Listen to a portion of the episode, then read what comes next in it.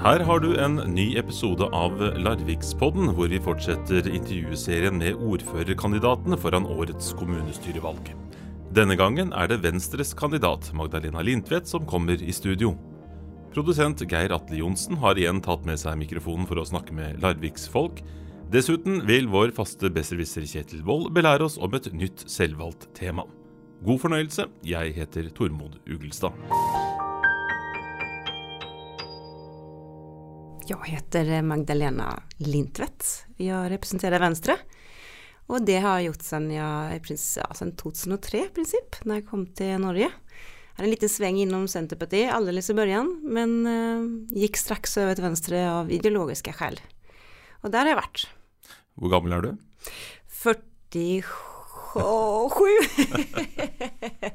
jeg fyller så sent på året, så jeg må regne litt. 47. Eh, når du ikke jobber for å bli eh, kommunens neste ordfører, hva jobber du med? Just nå så jobber jeg i en eh, liten butikk i Hvittingfoss som har alt. Så som butikker var før i tiden, når du kunne gå inn og be om én skruv, så kan du gjøre det der. Og, så der møter jeg masse mennesker. og En veldig sosial arbeidsplass. Og så i tillegg så er jeg konsulent. Jobber litt for ulike foretak. Hvordan ser en uh, vanlig arbeidsdag ut for deg? Eh, nå jobber jeg mer hjemme med politikk og, og, litt sånn konsultvirksomhet. Så en vanlig dag for meg er å få tre barn på skole. I snø og regn, og de skal ut, og det der vet vi alle foreldre hva det er. Og så er antingen dra på jobb i Vittifoss, eller så er det å ta opp PC-en mm. og sitte på PC-en og jobbe. Og masse telefoner og ja, det som hører til en dag. Og så er det kveld, og da er det kulturskole, det er fotball, det, det er opera for dattera mi. Og så skal man selv gå på ski. Ja, det er vel en dag for en tremannsmor. Og så er det mye reising. Jeg reiser utrolig mye til Larvik om dagen. Mm. Det tar meg en time hver vei. Eh, og det gjør jeg fordi jeg syns det er utrolig gøy å være med i politikken. Men det er tidskrevende. Jeg hadde håpet at jeg kunne ha mer i Sørstad og ikke trenger å reise ut så mye. Har du alltid hatt samme type jobb? Nei, jeg er jo egentlig en gründer av naturen. Jeg har jo startet og drevet tre forskjellige treningssenter. Det var mhm. det jeg gjorde når jeg kom hit. Eh, etter hvert når jeg fikk min tredje barn, så blir det for mye. Og da pendler jeg igjen ut i Sandefjord i tre år. Eh, og det har fått hverdagen å gå i hop og bo i Svarstad. Mm. Eh, leverer barn klokken sju på morgenen på SFO og henter dem klokken fem før de blir slengt ut. Eh, når min mann jobber i Oslo og jeg i Sandefjord. Det, var, det er så vanskelig å få det å gå i hop. Så da startet jeg en butikk med klær og leker og, og kafé i Svarstad. Mm. Den drev jeg i tre år. Så jeg er jo egentlig en gründernatur, og jeg er på gang, og det er alt en gründer tenker i meg. Men akkurat nå så passer det veldig fint å være i den lille butikken i Hvittingfoss og være ansatt. Og også så går kabalen lettere i hop. For det er en utfordring å være småbarnsforelder og ikke ha arbeidsplass i Svarstad. Og det er derfor jeg er så opptatt også av at vi må jobbe for å få flere arbeidsplasser på bygda. For at det er vanskelig å kunne Vi vil ikke bare bo der, vi vil jo faktisk leve der. Hva slags utdannelse har du? Jeg har pedagogikk fra högskolan riktat mot arbeidslivet. Så, og før det så gikk jeg så jeg var hjelpepleier. Men det har jeg egentlig bare jobbet med i to år. og så gikk jeg jo raskt da i politikken. Mm. Så jeg har jo vært politiker i Sverige. Jeg har vært leder i Svenska Senterungdommen. Jeg har vært vara til Stortinget i Sverige. Så jeg har i grunnen vært politiker siden eh, ja, de siste Ja, det blir mange år nå, da. Mm. Mm. Hvor kommer du fra? Jeg hører at du kommer fra Sverige, men det kan jo være litt mer presis? Nei, jeg kommer, eh, det, jeg kommer fra en, en, ort som heter Veksjø. Aha, hvor er det? Eh, det ligger midt imellom altså Göteborg og Kalmar, de to eh, store byene på hver sin kyst. Mm -hmm. Så ligger Veksjø midt imellom. Så det er i sødre Sverige. Det er Pippi og Emil-land. Det en, det er en sånn veldig, veldig fint område i Sverige som heter Småland. Mm. Men jeg har jo bort, sen har jeg flytta og bodd i Borås og Jönköping og Stockholm i mange år. Mm -hmm.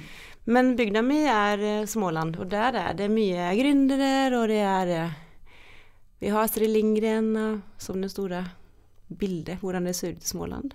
Når kom du til uh, Norge? Kom du rett til Lardal, forresten? To, hva sa du? Kom du rett til Lardal? Jeg kom rett fra Stockholm. Ja. Rett ut på Altså, jeg bor jo på en, en gård ganske ja. høyt opp i Svarstad. Jeg kom rett til Svarstad. Når jeg kom dit, så hadde jeg eh, Da kom jeg rett fra Stockholm og hadde både bil som passet en by, og klær som passet en by. Så da jeg kom og kjørte opp den veien, så var det litt sånn Dette er Englagård, altså. Men jeg elsker å bo i Svarstad. Det var en overgang. Men jeg kom rett fra byen dit, så det var Det er en, det er en ro i Norge som, eh, som jeg er veldig glad i i dag. Det er et annet tempo. Mindre eh, Eller mer fokus på familien og, og, tiden sammen. Tiden på søndagene, som i Sverige, så er det jo Der har du jo det samme hets på søndagen mm -hmm. som du har på lørdagen. Eh, det har vi jo ikke her. Og den har jeg satt veldig mye mer pris på. Den søndagsroen. Og, så jeg, jeg, er veldig glad å ha kommet hit. Og, og til Svarstad så kom du, var det i, i 2001? 2001. Ja, riktig. Uh, hvordan beskriver du Larvik når du møter folk som ikke kjenner til Larvik? Og da tenker jeg på nye, store Larvik, da. Nye, store Larvik. Jeg beskriver Larvik som en, som en fin fjordby. Det, for meg er Larvik fortsatt det er kysten. Mm. Det er det som er verdien for meg. Jeg, jeg har jo, og jeg, nu, jeg har kanskje också kommet dit å beskrive beskriva Larvik som den byen med masse, masse mindre steder. Når jeg har vært ute både i Helgeroa og Nevlunghamn og jeg ser og hals, ut mot halsen så, så er jo Larvik så mye mer enn det jeg hadde sett innan vi gikk inn i Larvik kommune. Mm. Og det er vel det jeg også beskriver nå, at det er ikke bare en by med strand. Det er en by med fantastisk mange små plasser. Så det er det jeg forsøker, det er det jeg beskriver. Og så, jeg beskriver nå ikke kanskje det med jordbruket, men det er klart at det er jo en stor del av, av Larvik kommune. Men uh, jeg syns at Larvik For meg er det en, en reise å ha gått fra min hverdag i Svarstad til å komme inn i hverdag i en kommune. Og ta, få være med og utvikle en mm. kommune som er så mangfasettert. Det syns jeg er uh, kjempespennende. Veldig, veldig gøy. Det er mye vi kan gjøre. Hvordan vil du beskrive Larviks folk? Altså, bare, det må jeg bare si, da. Jeg kjenner egentlig bare mest politiker Ja. Hvordan vil du beskrive Larviks politikere, da? Nei, jeg vet ikke om det er noen forskjell på Larviks-mennesker enn for andre mennesker. Nei. Jeg ser ikke Nei. Syns du det har skjedd noe endring i eh, Eller hva er den største forskjellen da, i Larvik og Lardal, hele området, fra, fra, du kom hit i 2001 til i dag? Mm, ja, det var veldig vanskelig spørsmål, syns jeg. Eh, det er så mye som Nei, altså, egentlig skulle jeg kanskje si så her, jeg syns kanskje det skjer litt for lite, mhm. generelt sett. Kanskje, det er kanskje mer sånn jeg føler. Jeg kjenner at det er eh, Vi behøver bestemme oss hva er det vi vil med Larvik kommune. Hva vil vi?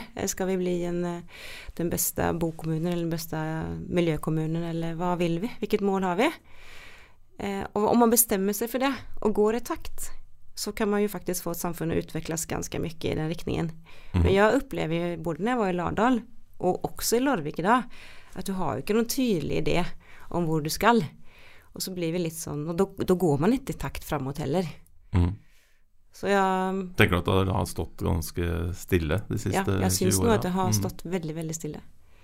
Og ja, det er jo som politiker, så det tykker jeg er så viktig å få sagt til folk. Ja, nå er det jo det er bare 60% som stemmer i kommunevalget. Så snakket jeg med en jente her i forrige eh, litt over 20 år, og spurte henne hvorfor hun ikke stemmer. Hun stemte ikke. Og da var det en av, en av grunnene er jo at for at man ikke stoler på politikere, at politikere lyver. Det er jo en ærlig sak at man mener det. Eh, men framfor alt at hun skjønte ikke hvorfor. Og det er jo egentlig et symptom på at man ikke vet hva faktisk vi kommunepolitikere bestemmer mm. over. Vi bestemmer jo hvor mange lærere vi skal ha på, ute på Brunla skole. Vi bestemmer jo om vi skal bygge nye sykehjemsplasser. Men jeg tror ikke at folk Eller det hun sier til meg, er jo at hun ikke helt ser det mm. og vet det. Og da er det jo, om du snakker om det, endrer det seg? Nei, kanskje, kanskje vi gjør altfor lite tydelig. hva det er vi endrer, og hva vi gjennomfører. Tenker du at uh, dere lokalpolitikere må bli flinkere til å vise hva dere ja. faktisk holder på med? Ja. ja, for hennes svar var i grunnen at ja, men hvorfor? Og det er jo det når 40 ikke stemmer kommunevalget, så må mm. det være symptom på noe. Så det må vi gjøre. Men jeg er jo, jeg er jo veldig nå ute og snakker med folk, og det er utrolig interessant. Og det er mange som ikke vet hvilket fantastisk mulighetsrom vi har. Som politiker er det mange som ikke har tenkt over det. At vi bestemmer hvilke gang- og sykkelveier vi skal ha. Hvor skal det være gatelys? Mm. Når ble du interessert i politikk? Da jeg var 15 år. Aha, hvorfor? For at uh, jeg bodde på bygda. Eller jeg er født og oppvokst på bygda, og vi hadde ikke noen buss. Og så var det valg. I Sverige har vi jo samme dag med storting, ja. Mm. fylke og kommune. Så da var det egentlig bare jeg leste av alle programmene, og så så jeg at eh, Senterpartiet og svenska Senterpartiet var det jeg gikk inn i da, sto for at man ville ha bedre miljø, og så tykte man at alle skulle få bo i hele landet. Da meldte jeg meg inn i, i svenske senterungdommen som 15-åring. Ja, så ja. du ble interessert og aktiv samtidig? Ja, det tok nå to-tre år før jeg ja. ble aktiv. Men jeg tok et bevisst valg. Ja. Jeg har alltid vært ekstremt eh, sta, og opptatt av at jeg skal få til ting i det jeg er i. Og da, sen var det sju eller åtte år senere, så var det buss hjem utenfor huset mitt. Det, liksom, det, var, det er artig. Så få til ting i politikken. Når man er med i et uh, politisk parti, så hender det at man må uh, argumentere for og slåss for saker man kanskje egentlig ikke er helt uh, enig i. Har du måttet gjøre det mange ganger? Nei, egentlig ganske sjelden. Det må jeg si. Altså, jeg, jeg har jo hatt formålet å være veldig Jeg er veldig ideologisk ja, ja, når jeg finner en Når jeg bestemmer for sammen med andre hva, hvilken vei vi skal gå, så har jeg en veldig sterk ideologisk tanke. Altså, jeg tenker på sosialliberalt. Ok, mangfold, frihet, gründere og samfunn skal ta ansvar. Og, så, og da lander vi oftest veldig, veldig likt når vi tar med ideologien. Mm -hmm. Jeg syns at jeg Det er veldig sjelden jeg har stått og argumentert for saker jeg ikke tror på. Det er eh, sjelden. Jeg kan faktisk ikke huske at jeg har hatt noen sånne Og jeg har jo som sagt en lang politisk karriere, men jeg husker faktisk ikke noen Kanskje du bare er god til å fortrenge? Ja, det kan ha noe med det å gjøre. Og det er vel også viktig. Det syns jeg er god. Hvis man klarer å huske på seirene, ja. så er det mye lettere å gå videre. Vet du hva, jeg tror faktisk jeg har veldig rett i det. For når jeg går på tap, så er jeg så sint, og så går det et døgn, og så er ferdig med det. Ferdig. husker du, da? Altså, hva er det største politiske nederlaget du har hatt? Ja, Det det er definitivt Lardal og, ja. og kommunesammenslagningen. Mm. Det var hardt. Det er jo eneste gangen jeg har eh, gråtit, åpna tårer, eh, når et vedtak ble fattet. Eh, I kommunestyresalen. Mm -hmm. Men jeg kan tale om at det var mange tårer før det, mm -hmm. men ikke i kommunestyresalen. Det var ikke fordi at, at uh, selv, jeg visste hva vedtaket, Jeg visste hva vedtaket skulle bli. Det vet jo oftast vi politiker, vi vet jo flertallet. Men det var, det var det veien fram som gjorde så vondt. Jeg hadde jo min, min, min hovedargumentasjon var jo at det skulle være mye mer alternativer, og at vi skulle involvere folk. Og det var jo innbyggerinitiativ som ikke ble tatt på alvor. Eh, og det er jo en politisk vurdering hva man mener er riktig. Og det var derfor jeg ble så lei meg, for jeg var, jeg var så såret. Skikkelig i hjertet mitt. Mm. Jeg kjenner at jeg blir lei meg igjen når jeg snakker om det. Um, for da, da, var det et sånn stort uh, ja, tap som gikk i sjela mi. Mm. Ellers har jeg tatt mange tap. Ja, Venstre Vi er på en måte litt vant til å tape! Men det, skal, det, må vi snu på. Nå må, ja. venstre, få litt, nå må Venstre bli så store så vi faktisk vinner. Har du noen, har du noen gode seire da, som kan uh, veie opp? Altså, ja, jeg tenker Lardal, da. Så blant annet så er det en uh, Har vi en skøytebane i, i Lardal. Den, eller skøytebane, eller skatebane, skulle jeg si. Ikke skøytebane, skatebane. Ja, mm. Og den blant annet var et forslag fra min side at den skulle bli bygd. Så den står der eh, fra et forslag fra Venstre. Den tenker jeg på når ungene er der og skater og sykler. Og tenker jeg, Så gøy. Den, den har faktisk jeg vært med å bidra til. Sen har jeg jo hatt andre segrer, med, men som har rundet ut i sanden, da. Det er litt det som skjer. Mm. Skolemat skulle vi ha i Lardal, og så ble det trenert og blir ingenting til slutt. Så næringsområdet mm, som skal utvikles i nordre delen av kommunen nå, oppe i Lardal, som, er litt, som er, ligger i planen at vi kan gjøre, det er et forslag fra oss. Så, men her i, i um, kommunestyret som jeg kom inn her, så er det liksom små ting. Jeg syns en vi har altså vikt, viktige, viktige venstresaker, da. Som, som, vi faktisk fikk gjennom. Det var, det var en diskusjon om vi skulle innføre et tiggeforbud i Larvik. I de nye politivedtektene. Eh, der sto Halsten og jeg sammen og prinsipielt forklarte at vi, at vi kan ikke forby tigging. Jeg må få rett til å gi penger til den jeg vil, og du må få be meg om penger om du vil. Hadde den var kanskje, det kan du si at det er den største ideologiske segen i Larvik. At ikke det ble et uh, tiggeforbud her. Når partifellene dine skal beskrive deg, hva sier de da? Um, jeg tror at de, de, beskriver meg som uh, engasjert og pålest og, og, kunnig politiker, men jeg tror også at de um, det er veldig vanskelig spørsmål når du sier sånn. Jeg må nå tenke litt. Jeg tror at jeg oppfattes også som ganske sta. Mm -hmm. Det tror jeg. Eh, engasjert, eh, pålest, sta. Tenker du at det er eh, egentlig en ganske ålreit egenskap å ha som politiker, at man er litt sta? Jo, jeg syns også det. Ja. Og så er jeg jo god på å ja, Jeg syns selv jeg kan Jeg ønsker å være en samarbeidende person å mm. finne løsninger. Det er ikke alltid så lett. Mm. For det, um, noen ganger så oppfatter kanskje folk at når jeg brenner så sterkt for en sak, at jeg da kanskje har låst meg, men det har jeg ikke. Jeg er egentlig kjempeglad hvis en annen som brenner like mye som meg, om vi kan møtes, og så finner vi kanskje en ny løsning sammen, mm. som vi kan brenne sammen for. Det er, det er, vi ikke så gode på i Larvik kommunestyre. At fange hverandres engasjement og utvikle ideen. Det er jeg god på, men der spiller jeg litt alene nå, føler jeg. Mm. Det er ikke den her samarbeidet for å De politiske motstanderne, da, hvordan vil de beskrive deg, tror du? Nei, altså det, det er jeg, jeg, jeg, jeg, tror at man kan beskrive meg som en som sagt, en engasjert og sta person. Mm. Og det gjelder noe det, det gjelder nå begge Jeg tror jeg har en allmenn oppfatning det skulle jeg si hvis noen spurte om jeg spurte hva tenker du om meg, så tror jeg kanskje det er engasjementet mm. og sta.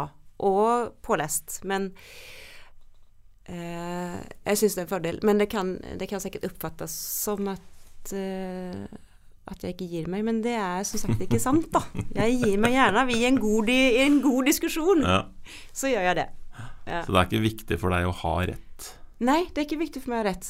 Og det, det, er veldig kult å si det, for, for meg Det har, jeg, det har de i Lardal lært kjenne meg som, at de har skjønt at det viktige for meg er ikke alltid utfallet av saken. Det er veien fram til saken. Og hvis vi på midtveis får en god diskusjon på en annen vei, da kan jeg bytte vei. Hvis det er Hvis det ble det beste mm. av saken. Men hvis man stenger ute meg, og ikke la meg være i en prosess, da har du en tiger i en bur. Da er det viktig for deg å få rett. Er det viktig, da, ja, men da blir Når jeg blir utestengt, ja. da, da, agerer jeg jo også ja, Da har jo ikke jeg noen dialog med noen, og da kan jo ikke jeg endre eller ta til meg av andres argumenter. Mm. Og da blir jeg jo stående og argumentere. Så jeg håper jo at vi skal få mye mer av den dialogen mm. sammen. Litt, uh, blir jo egentlig litt apropos det, da. For jeg, jeg tenker når jeg uh, følger med på, følger med på kommunestyremøtene uh, i ny og ne, mm. det jeg klarer å Det holder ut, holdt jeg på å si.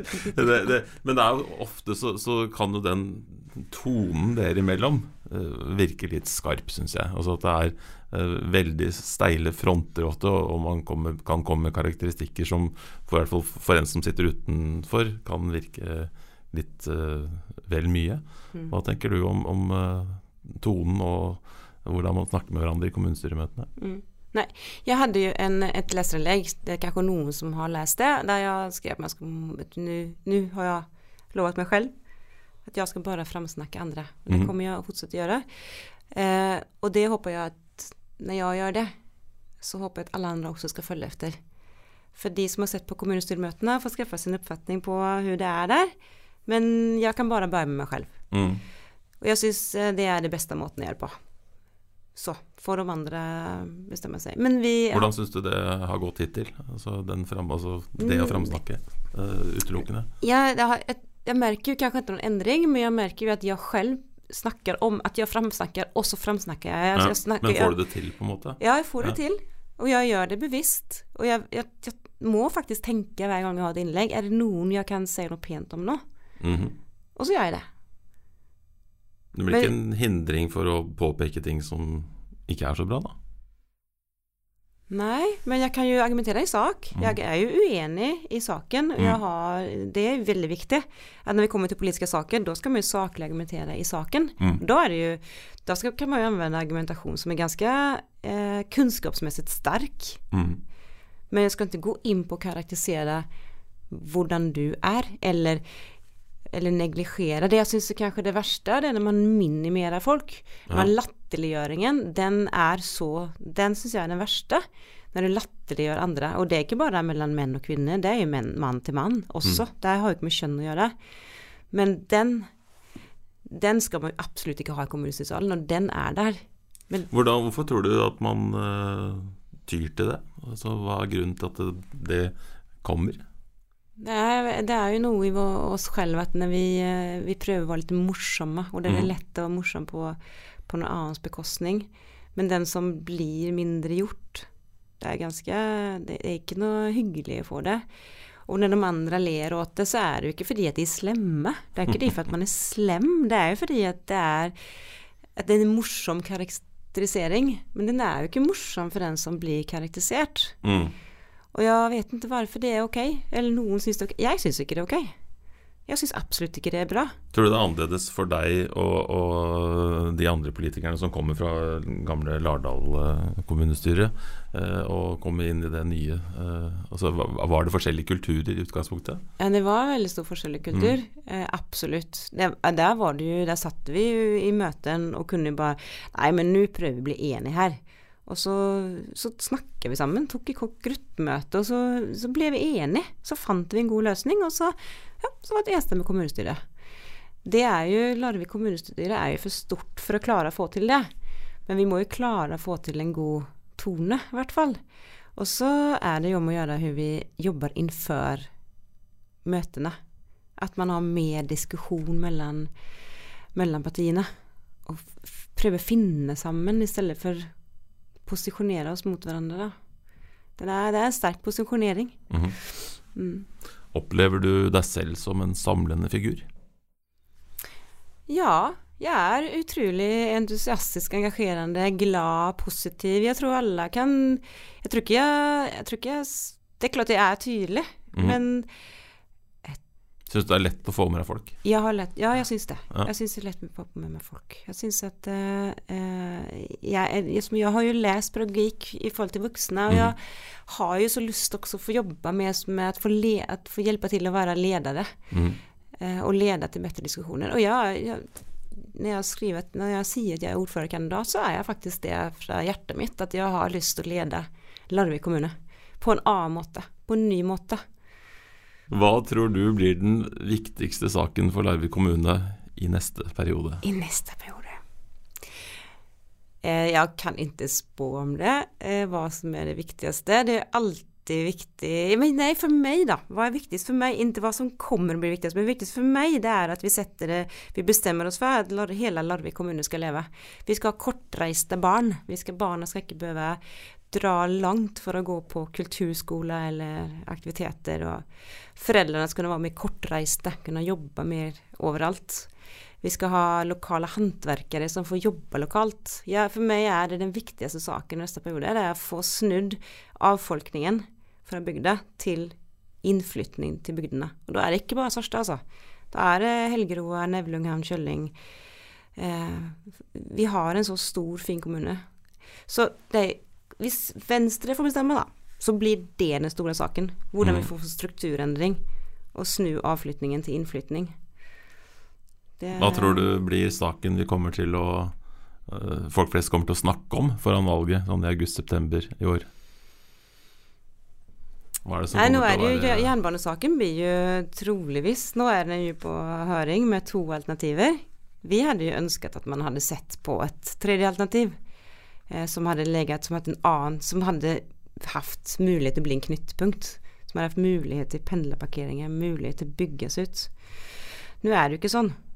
Men jeg er ikke sikker på at den saken er over til valget ennå. Men teoretisk sett så er den jo over i juni. Mm. Hvis det løpet kommunestyret lagt ligger. Så jeg håper at, at diskusjonen skal dreie seg om noe annet. Og for meg så er det arbeidsplass. Mye det med, med arbeidsplasser ute i hele kommunen. Det er gründervirksomhet, håndverkere. Kortreiste barn igjen, da. Mm. Kulturskolen. Men eh, Larvik Ja. ja uh, det er, I kommunevalg så er det Jeg husker det valget tror jeg, med, början på 90, eller slutt på 90-tallet, så hadde vi et valg i Sverige. Og så plutselig så var det en, en død sel som eh, fløt i land. Som da hadde vært en, fått, var også full av olje. Og det var en, en eller to uker før valget. Og fram til dess hadde alt handlet om økonomi. Det var Mhm. bare økonomi hele valgkampen. Og som et fingerknips så ble hele valgkampen miljø. Og det er det som er så spennende med en valgkamp. At det er Larviks, det er Larviks innbyggere Mm. som med en eller annen sak plutselig kan få valgkampen til å handle om akkurat det de vil. Så det er Det kan bli hva som helst. Mm. Er du klar for at den kan handle om hva som helst? Er du Ja. eh, beredt? Jeg er klar. Ja. Jeg er klar. Hvis du ser for deg Larvik om uh, 13 år, i 2032, eh, hvordan ser det ut uh, her da? Både her i byen og i hele kommunen. Hva, eh, hva, hvordan har eh, kommunen utvikla seg? Og da, da, altså, da har vi en kommune, da kan vi bare se på, da ser vi at alle gårdene f.eks. har solceller på taket. Kommunen har jobbet intensivt med miljørådgivning, så at vi er mer selvforsørgende på strøm ute på gårdene. Vi har kulturskoler i alle lokalsentrene der man spiller piano ute på skolene på ettermiddagen. Vi har SFO som kan være gratis, der alle barn kan være med i idrett eller kulturvirksomheter. Vi har gründere, vi har Colab som har utviklet til flere sånne gründermiljøer i hele kommunen. Vi har bedre kollektivtrafikk, så man kan ta buss hjem fra Larvik, også ut på bygdene. Jeg håper at Larvik skal bli den, den, en spennende, levende kommune. At vi skal virkelig få jobbe med at vi lever og bor på samme sted. Ikke bare bor på ett sted, men vi lever også der. Så det er, eh, det er, en min, det er Venstres visjon. Og det er jo litt det med velgerne stemmer Du må stemme på den visjonen partiene har. Hvis man syns at Venstre har en spennende visjon, så må du stemme på Venstre. Og da er det mulig at Venstre kan få gjennom det om 12-15 år. Mhm. Men ting tar tid.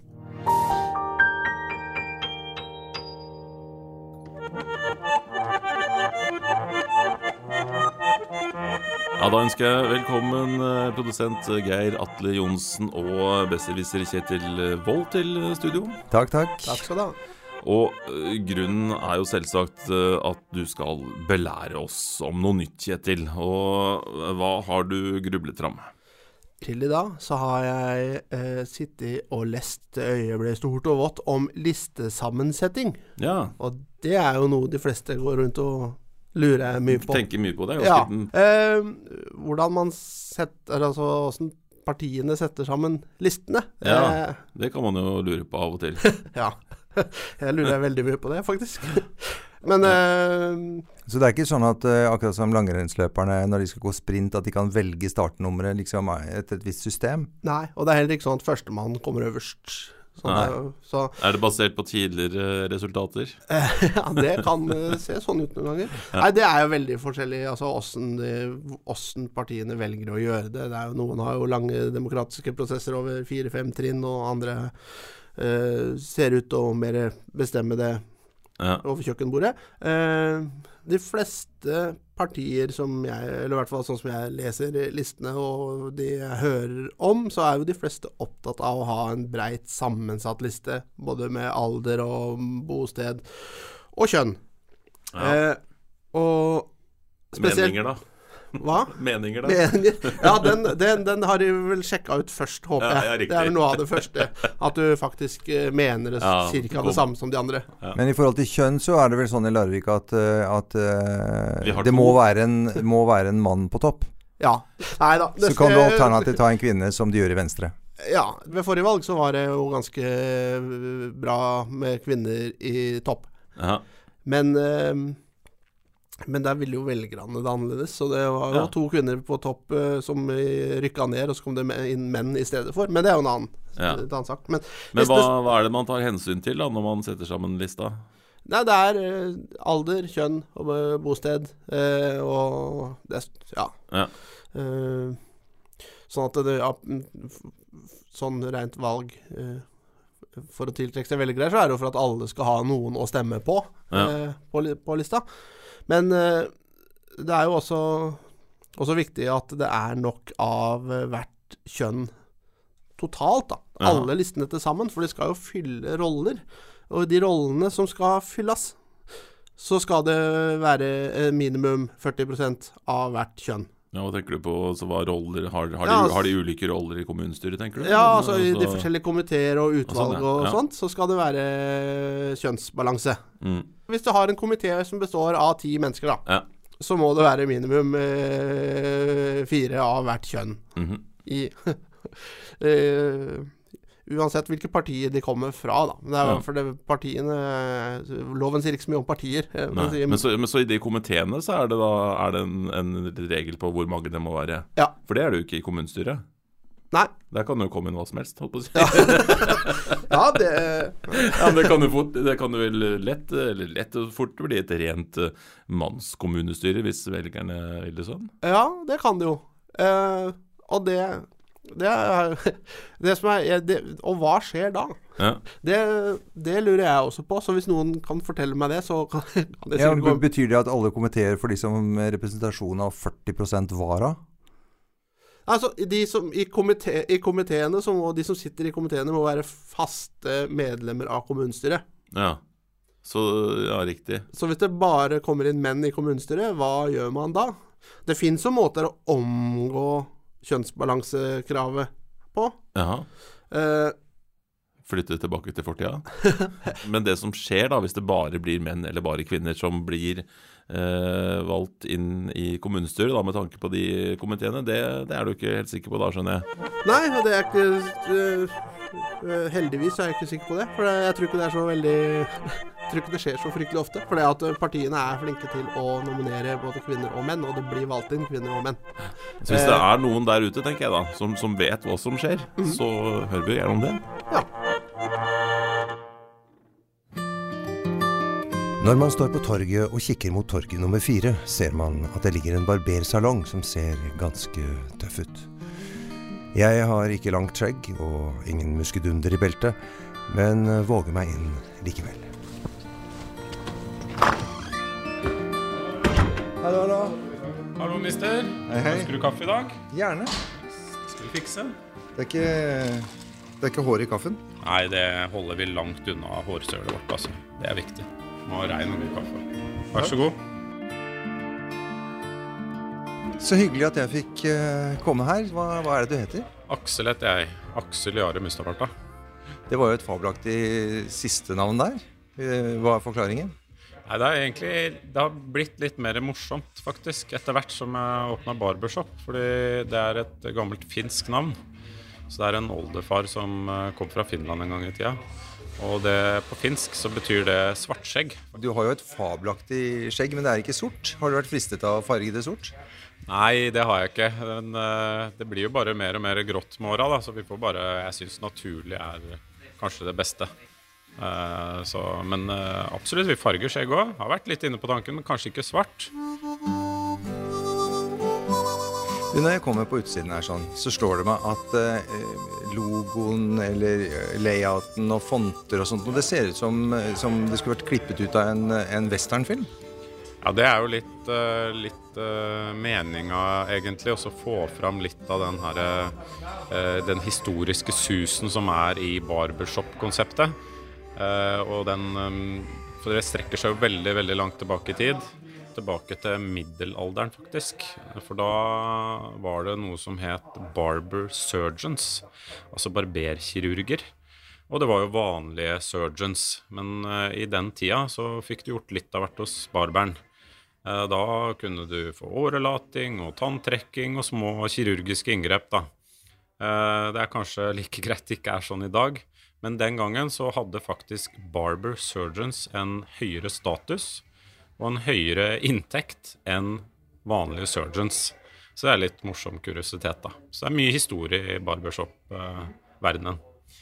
Har prøvd med hele konseptet og hele butikken vår her å på en måte innfri noe av de tankene kanskje folk flest kommer på når man tenker barbershop, men samtidig klare å overraske litt, kanskje. Litt interiørmessig og litt servicemessig, hva som skjer i stolen, ikke minst.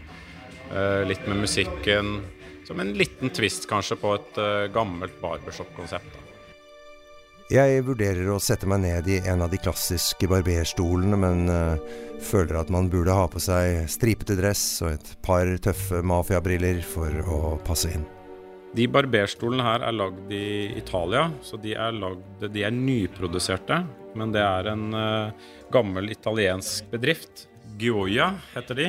Så de kommer fra Sicilia, de stolene her. Så de er uh, nyprodusert, men uh, lagd på gammelt vis, da. Etter gamle barberstolprinsipper eller teknikker, eller hva man skal si.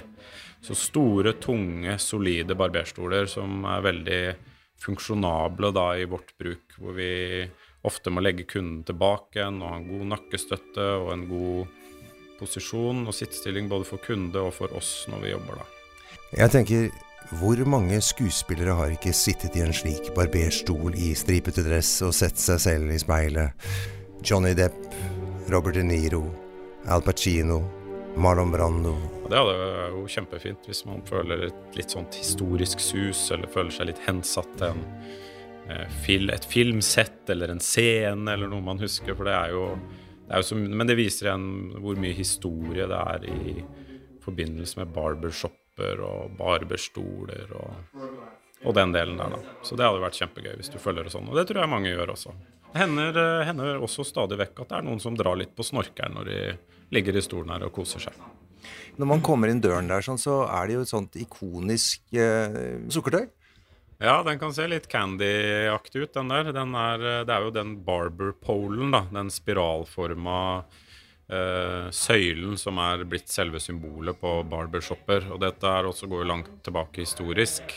Hvor det, det er litt forskjellige forklaringer på det òg, men uh, en uh, variant som mange gjenforteller, er vel det at de da gjorde forskjellige av disse inngrepene, kirurgisk og tanntrekking og diverse hos barberen.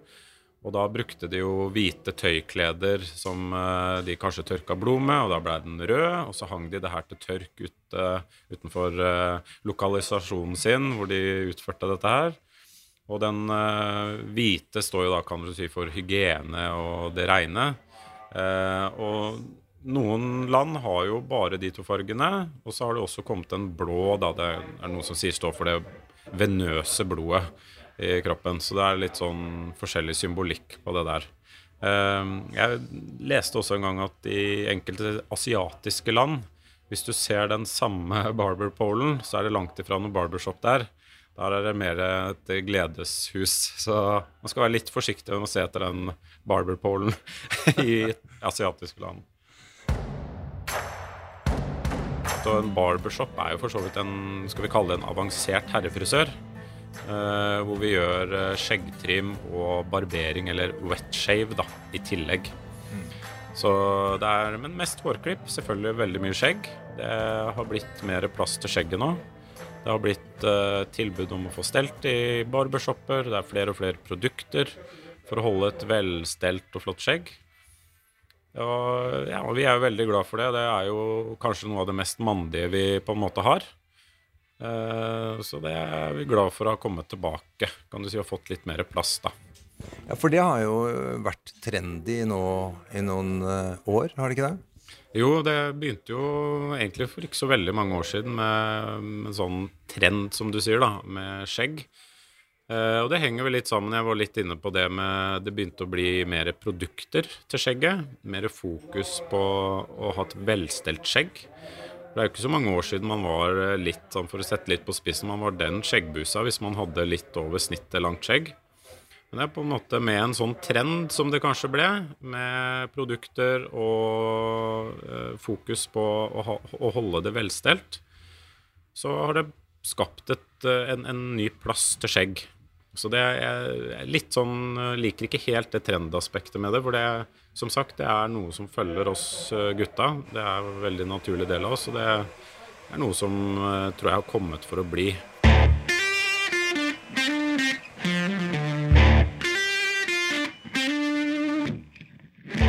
Jeg går vel tilbake til 2005. Da var første mm, litt sånn eh, fra en annen vinkling inn i frisørbransjen, kan du si, eller hårverdenen, da.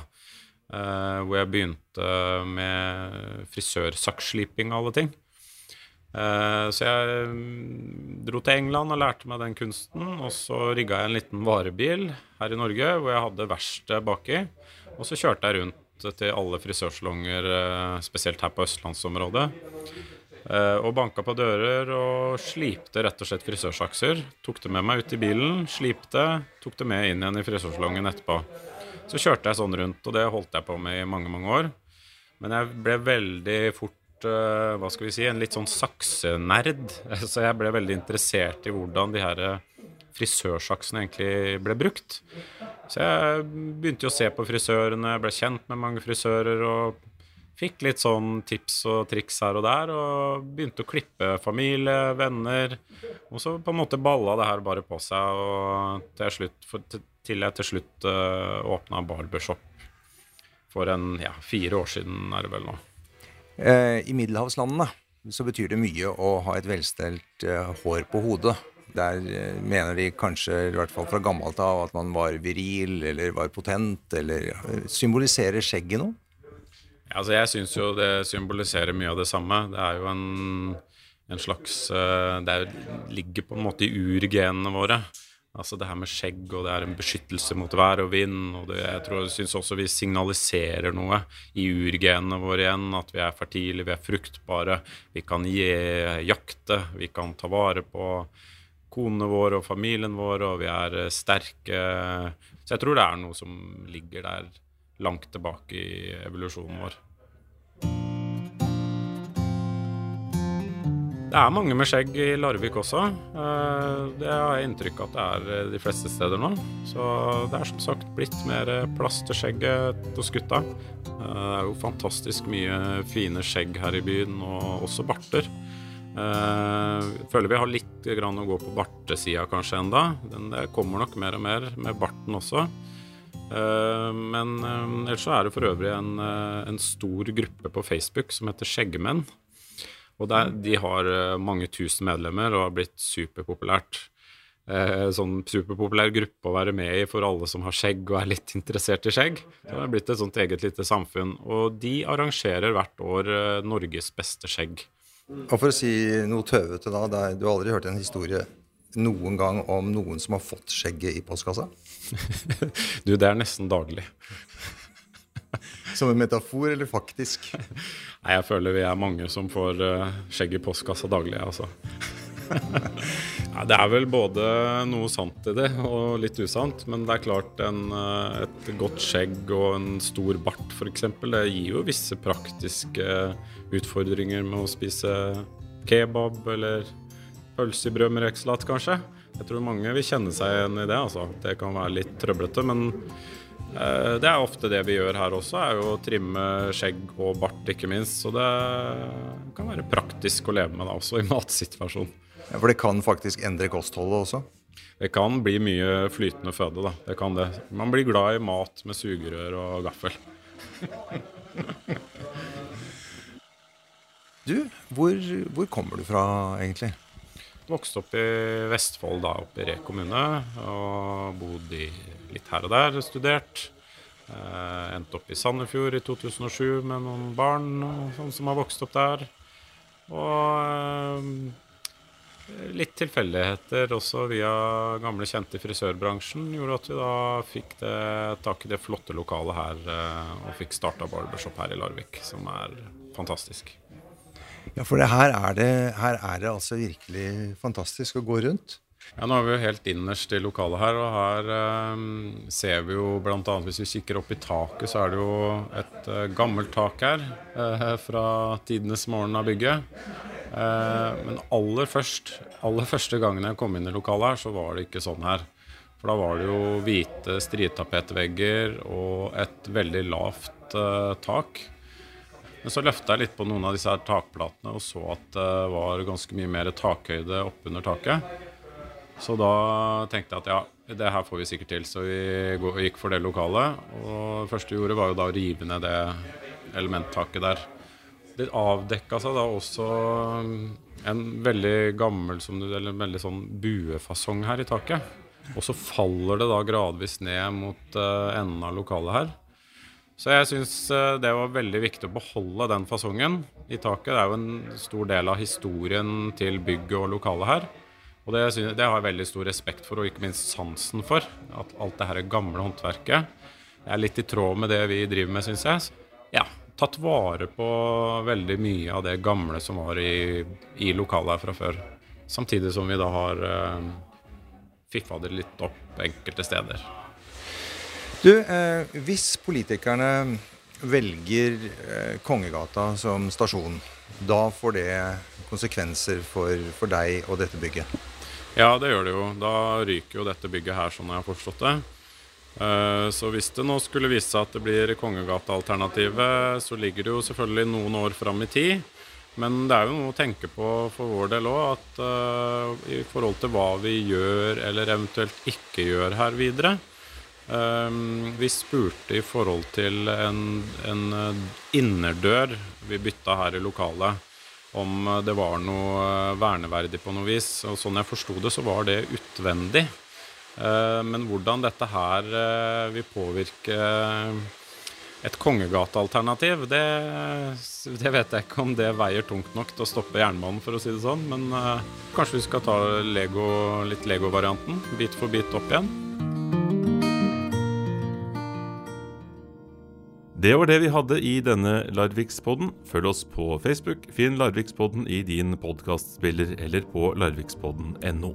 Ansvarlig for podkasten er Geir Atle Johnsen, og podkasten produseres av Virvel AS. Jeg heter Tormod Ugelstad.